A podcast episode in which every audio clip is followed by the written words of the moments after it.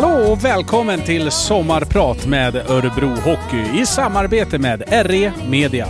Det här är Kalle Olsson. Tack så mycket.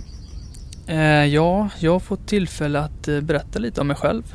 Om min eh, uppväxt och lite om min hockeykarriär hittills. Och jag tänkte att jag skulle börja med, ja, jag växte upp i en liten stad som heter Munkedal. Eller ja, en liten by kan man väl säga. Inte så stor faktiskt. Och eh, jag har en pappa som heter Staffan.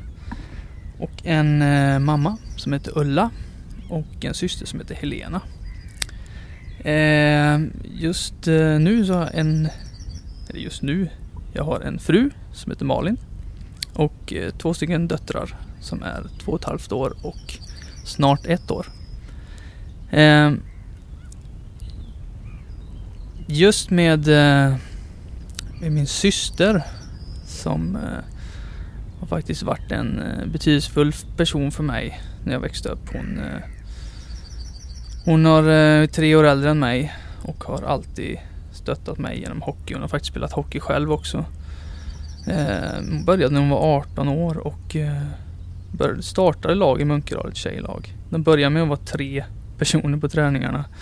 Slutade med att de var över 20 och, och spelade mycket matcher runt om i eh, runt om i Bohuslän och eh, jag tror att de fortfarande har damlag där sedan hon startade det. Så att, eh, men just nu så spelar hon inte hockey utan hon bor i Ecuador faktiskt. Och lever lite annorlunda liv än vad jag lever. Hon, ja, för det mesta så surfar hon hela dagarna. Och ja, mest tar det lugnt faktiskt. Hon har valt den livsstilen. Hon, hon eh, ja, kände att hon inte ville passa in riktigt i den svenska livsstilen med just jobb och komma hem och jobba 7 till 4 utan hon ville vara fri helt enkelt. Hon, eh, hon ville känna att hon, hon visste, hon kände att hon inte hörde hemma här riktigt. Så hon, eh, jag tror det var sju år sedan som hon begav sig ut för att resa i världen. Hon började vara au pair i Philadelphia. Och sen slutade hon med att hon stannade i Ecuador så hon har varit runt i hela världen där hon eh, surfat och letat efter en livsstil som passar henne. Och eh, jag tror att hon har hittat den faktiskt i Ecuador. Hon, eh, som jobb har hon eh, masserar hon lite folk ibland och är personlig tränare. Eh, sedan så surfar hon mest och ja, bara tar det lugnt. Jag måste bara få berätta min, eh, när min syster byggde sitt hus i Ecuador. Hon, eh, hon kom ju dit och eh, tyckte att just den här stan, den här byn som hon bor i var så himla soft som hon säger det och surfa och allting som var jättebra.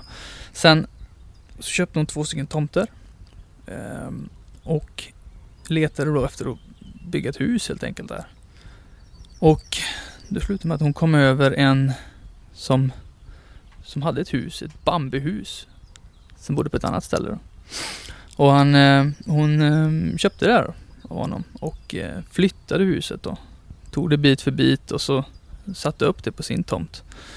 Så nu bor hon i ett bambuhus på ungefär 20 kvadrat. Som står på stolpar. Och har då under hon börjat bygga ett rum till.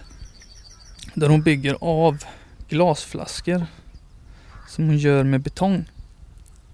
Hon lägger alltså en flaska flaska, betong, flaska, betong.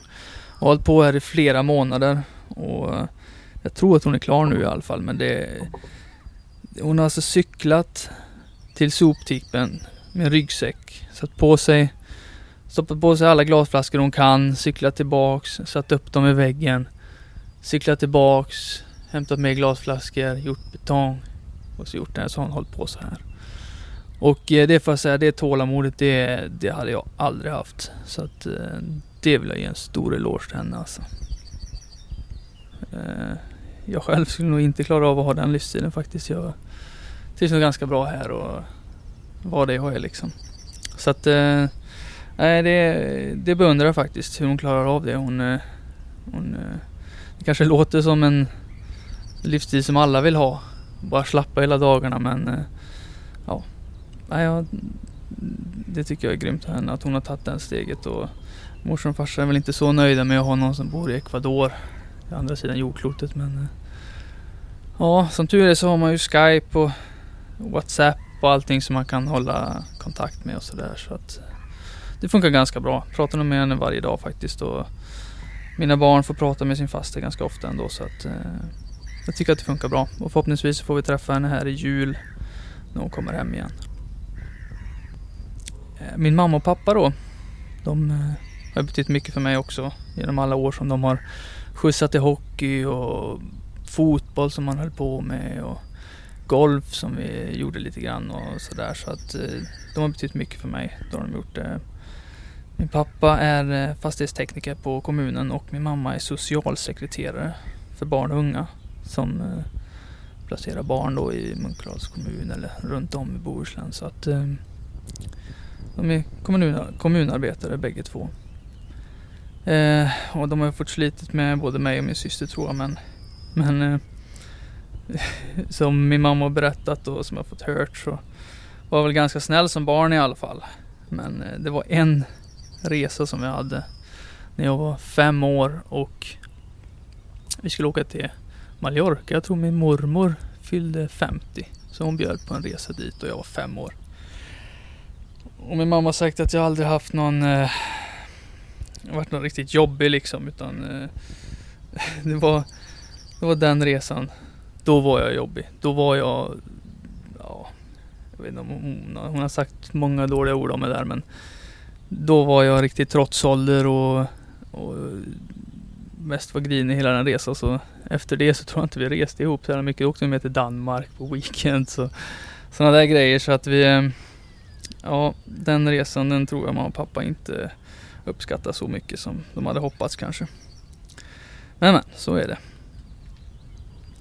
Sedan efter det så, eh, ja, när jag började hockeygymnasiet när jag var 15 år så, så eh, ska man ju välja till det där och kunna vart man ska gå in och jag hade ju Brynäs och Frölunda som jag valde mellan.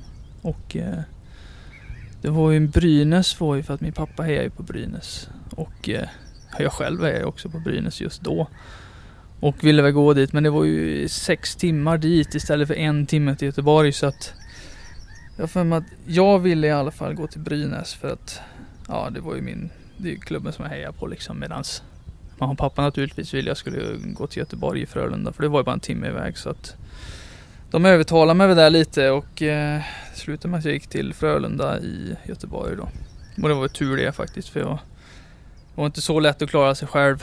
Hade det varit sex timmar bort så så hade ja, det hade blivit tufft tror jag faktiskt. Jag behövde mamma och pappa där ändå faktiskt. Det var 15-16 år. De tvättade för mig och fixade mat till mig och sådär. Så att eh, det var tur att de övertalade mig till det. Och där var jag i fyra år. Vi, eh, vi hade väl ganska framgångsrikt där faktiskt. Vi hade väldigt bra lag. Eh, NHL-spelare som Alexander Sten och Louis Eriksson spelade vi mycket med. Och, så att eh, eh, vi hade två J18 guld som vi tog och tre J20 guld under de fyra åren som jag var där. Och eh, en säsong kommer jag ihåg, då, då var vi väldigt överlägsna. Jag tror vi bara förlorade en match under hela grundserien. Och det, det vet jag inte om, det har jag aldrig upplevt efter det i alla fall på någon match. Så att det, det, då var vi överlägsna faktiskt. Och vi, det var ganska roligt på ett sätt men men sen efter det då, jag har varit fyra år där så, så fick jag inte vara kvar. Jag hade A-lagskontrakt sista året men då var det lockout i, i NHL så att eh, då kom det ju hem hur mycket spelare som helst så att eh, då fick vi spela en match det året. Så efter det då så blev det Västerås. Jag var sex år i Västerås. Och rent hockeymässigt så var det väl tre år för mycket. Jag eh, skulle nog gått där tidigare för jag kände att jag slutade väl upp, utvecklas lite grann. Och, eh, men å andra sidan så tyckte jag ändå att det som var utanför hockeyn var nog det som gjorde att det blev en bättre människa faktiskt. För det var mycket som jag hängde med. Jag har mycket musik som jag tycker om. Jag spelar gitarr själv. Och det var ett ställe som heter Sigurdsgatan 25 som jag hängde mycket på. Med ägaren Björn Karlsson som jag eh, blev väldigt god vän med där som tog hand om mig och, och många kompisar i laget faktiskt. Vi kollade mycket konserter och fick jobba hos honom och, och nej, det, var, det uppskattade jag väldigt mycket att han fanns och hans familj. Och jag kommer ihåg en gång när vi var på, vi fick rodda när eh, Deep Purple kom, ställa upp scen och, och eh, fick vi titta konserten naturligtvis och eh, efter där så vi fick ta ner scenen och vi hade en riktig fest efteråt allihop. Det var, tror vi höll på till sju på morgonen och till slut somnade vi i Björns trädgård. Och, och det, var, det, var ett, det var ett minne faktiskt. Så att det var kul, det tackar jag så hemskt mycket för. Det var, det, det var bra för mitt liv i alla fall. Ja, och sen tiden i Örebro när jag kom där efter, jag var ju ett år i Linköping först. Och sen, eh, sen så kom jag till Örebro och då var det ju allsvenskan då. Då, då gick vi upp det året som jag kom. Och vi, det året är nog det starkaste minnet jag kommer ha efter min karriär faktiskt. För att för det första så gick det väldigt bra personligt och, och sen så fick vi gå upp. Det är, en, det är en sån känsla som man nog inte kan dela med sig till någon. Det är, det är väldigt svårt att förstå när man står där efter säsongen och ja, 5-6 tusen som står på torget och bara, bara jublar. Det är en grym känsla alltså. Och sen de här andra två åren som vi har varit i SHL har ju varit helt magiska också. Vi fullsatt varenda match. Första året så tror jag vi förlorade ganska många matcher i rad. Jag vi hade 12 i rad kan det varit något sånt. Och vi, ja, det var ändå fullsatt på matcherna och, och vi klarade oss kvar det året. Och det var ett väldigt, väldigt bra år tror jag för, för många i klubben och, och det var många nya som var första året i, i SHL liksom. Så att det var ett bra år. Och det syntes ju på andra året nu, det här året som var. Vi, vi alla visste vad som krävdes tror jag. Lite mer och och det gick ju väldigt bra. Jag tror faktiskt att vi haft lite mer flyt och så hade vi i alla fall tagit oss lite längre faktiskt. Det blev ett litet snöpligt slut faktiskt. Så att jag tror alla var väldigt missnöjda med just det. Men nu när man ser det till efter några månader sådär så, så gjorde vi ju en jättebra säsong. Det är inget annat man kan säga. Så jag hoppas att nästa år som kommer så hoppas jag verkligen att vi kan komma minst lika bra, om inte bättre. Och jag tror faktiskt att inom några år så tror jag verkligen att Örebro Hockey kan slåss om SM-guldet.